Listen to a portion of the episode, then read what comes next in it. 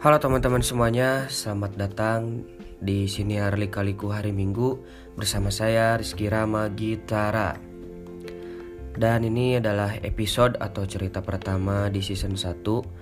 Ceritanya sih monolog, meskipun gak monolog-monolog banget. Nanti mungkin bakal ngobrol-ngobrol juga bareng teman-teman yang lainnya. Tapi ya semoga ini cocok buat teman-teman semua. Karena untuk sekarang ini adalah hal yang paling masuk akal buat saya lakukan dalam berkarya di, samping kesibukan saya sehari-hari dalam rutinitas bekerja ataupun yang lainnya. Kalau saya buat konten yang terlalu effort, ya takutnya sih nggak konsisten. Sedangkan saya pengennya tuh konsisten agar bisa bercengkrama sama teman-teman semuanya. Jadi rencananya ini bakal tayang sesuai judul siniarnya yaitu hari Minggu entah di awal hari ataupun sebelum tidur nanti. Kenapa hari Minggu? Karena menurut saya hari Minggu itu memiliki dua sisi yang berlawanan. Di satu sisi, hari Minggu itu di, sangat ditunggu-tunggu oleh anak muda, entah untuk sejenak beristirahat dengan hiruk pikuknya dunia, atau meluapkan dengan lari dari dunia nyatanya. Tapi di satu sisi, Hari Minggu juga bakal jadi awal segalanya dalam sepekan ke depan. Semoga ya sini hari ini bisa menemani kalian dalam mengakhiri atau memulai hari-hari kalian. Biarkan hari Minggu menjadi pelangi untuk seluruh minggu yang akan datang. Bebaskan diri dari semua prasangka dan biarkan dirimu pergi pada hari Minggu.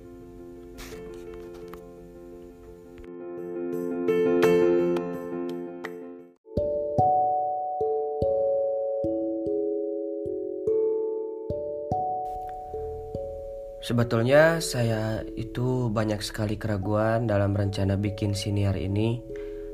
Entah itu ketakutan gagal ataupun ketakutan dari komentar orang lain. Tapi gimana saya bisa tahu jawaban dari ketakutan saya sendiri kalau saya tidak langsung mencobanya. Jadi ya ini di sini saya bercerita sekaligus mencari jawaban untuk diri sendiri. Saya sedikit mendapat ilmu dari siniar sebelum memulainya. Ya, ternyata yang mahal itu mendengarkan untuk memahami, bukan hanya sekedar solusi.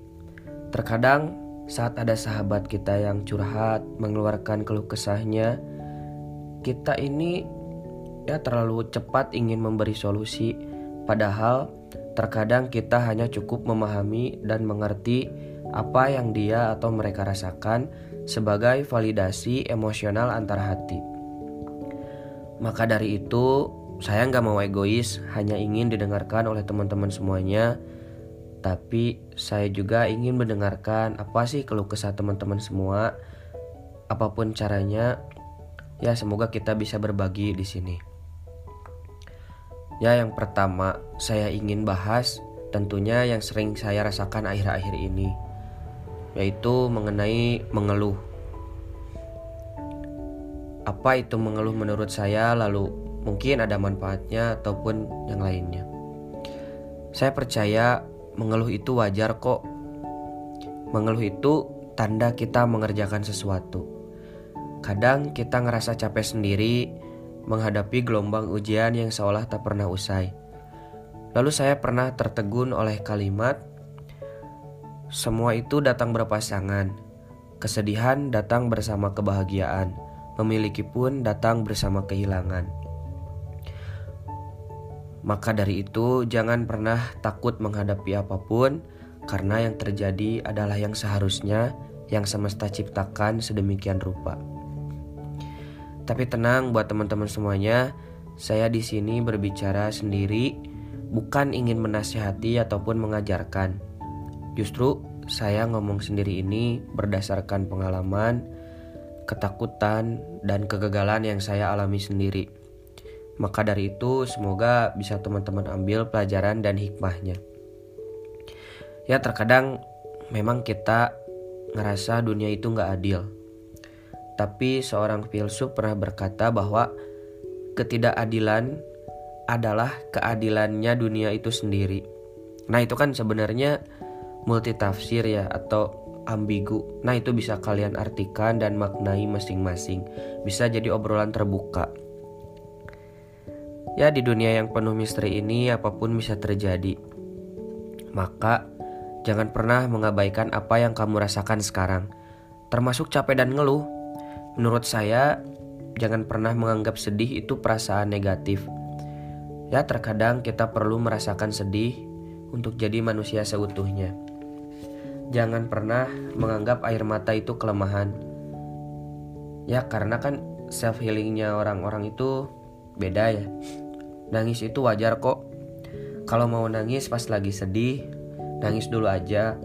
Tapi jangan berlarut-larut dan tenggelam. Kita harus bangkit bukan untuk menyelamatkan dunia. Ya, tapi untuk diri sendiri minimal bergeser dari tempat sebelumnya untuk kembali bersinergi bersama dunia.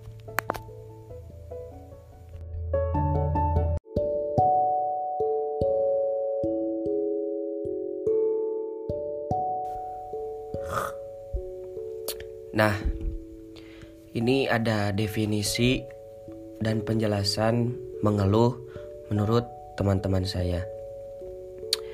Yang pertama, menurut Magvira, mengeluh itu mengeluh adalah berekspresi. Prinsipnya mengeluh tapi tetap jalan. Ya, mengeluh adalah kebebasan berekspresi. Tapi harus ada privilege-nya. Mengeluh tanpa terus jalan adalah suatu hal yang useless ya di sini uh, saya nggak akan berkomentar apa-apa karena menurut saya nggak ada yang salah mengenai opini pribadi. Jadi ya sebebas-bebasnya aja. Lalu yang kedua ada menurut Aulia. Menurut Aulia mengeluh titik capeknya orang. Cuma bedanya ngeluh orang itu beda-beda. Ada yang emang bisa diomongin ke orang lain ada yang cuma bisa diomongin ke Allah. Manusiawi banget namanya ngeluh. Pasti tiap orang pernah ngeluh yang bedain permasalahannya aja. Mungkin manfaatnya bisa lega gitu, unek-uneknya jadi sedikit lepas. Meskipun permasalahannya tetap ada. Tapi mental kita sedikit lebih baik. Tapi di sisi lain, di sisi lain orang juga kalau terlalu sering ngeluh gak baik kayak gak punya semangat hidup harus dibangun lagi motivasinya dari lingkungan sekitar atau ataupun dari hal yang lain. Kalau menurut Nurul, ngeluh itu hakikatnya yang udah nempel sama manusia. Kalau enggak ngeluh, bukan manusia. Soalnya semua sepakat dalam kepercayaan mana pun bahwa Tuhan menciptakan manusia sebagai makhluk yang fana dan rapuh. Jadi wajar mengeluh itu udah fitrahnya. Yang membedakan adalah cara mengeluh. Sebelumnya aku mengeluh dengan membebaniku sendiri. Seolah semua harus ada dalam kendaliku sendiri. Akhirnya capek. Aku mengeluh dan mengutuk diri sendiri. Kalau di kasus aku sendiri, aku akhirnya sadar kalau enggak semua harus ada dalam kendaliku. Aku boleh merasa sedih, boleh merasa lelah, boleh ngelepasin semua yang tertahan, boleh istirahat dulu untuk bangkit lagi.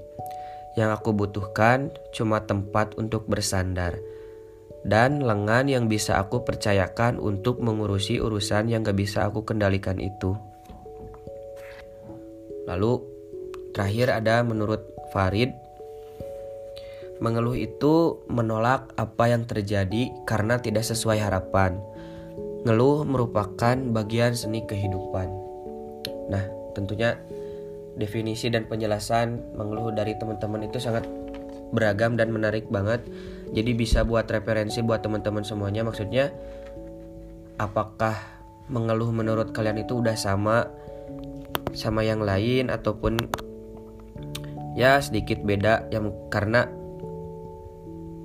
semua bisa diartikan masing-masing gitu. Gak perlu sama. Tapi intinya menurut kita sem ak in, uh, menurut aku dan teman-teman yang lainnya ya mengeluh itu intinya nggak apa-apa dan wajar-wajar aja. Namanya juga manusia gitu.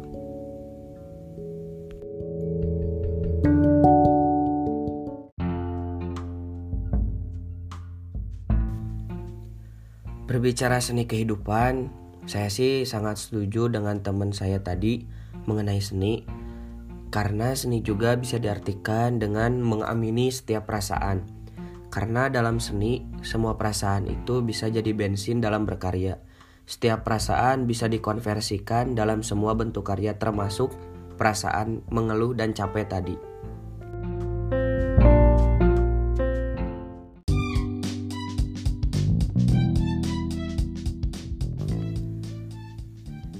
Itu saja mungkin cerita pertama dari saya. Mohon maaf kalau masih banyak kekurangan. Saya juga kan bukan mahasiswa komunikasi, jadi pasti banyak kekeliruan dalam berbicara. Tapi apa pun itu, saya cuma ingin berkarya. Saya nggak mau ada penyesalan karena nggak pernah memulainya. Jadi buat teman-teman yang lain juga yang ingin berkarya, entah itu nyanyi, musik, ataupun yang lainnya, jangan takut untuk memulai. Apakah siniar ini jadi tempat pelarian saya?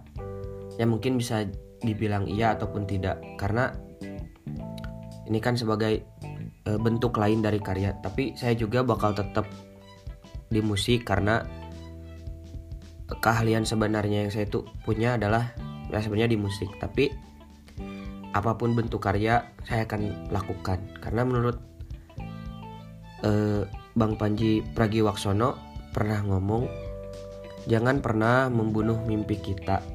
Sekeras apa pun kita memukulnya dia hanya akan pingsan dan bangkit di usia tua dengan rasa penyesalan. Nah jadi jangan sampai saya ataupun kalian menyesal karena belum pernah mencobanya. Mulai dulu aja Apa pun hasilnya nanti, biar semesta yang memberikan. Semoga karya kita yang has kita hasilkan bisa jadi kendaraan untuk tujuan akhir kita. Terima kasih buat teman-teman yang udah dengerin. Saya terima kritik dan saran yang sangat terbuka buat teman-teman semuanya yang mau ngasih saran, tema ataupun yang lainnya. Saya sangat terbuka untuk itu. Semoga seminggu kalian ke depan membahagiakan. Kalaupun enggak, tenang, masih ada minggu selanjutnya untuk dicoba. Terima kasih untuk semuanya. Pilih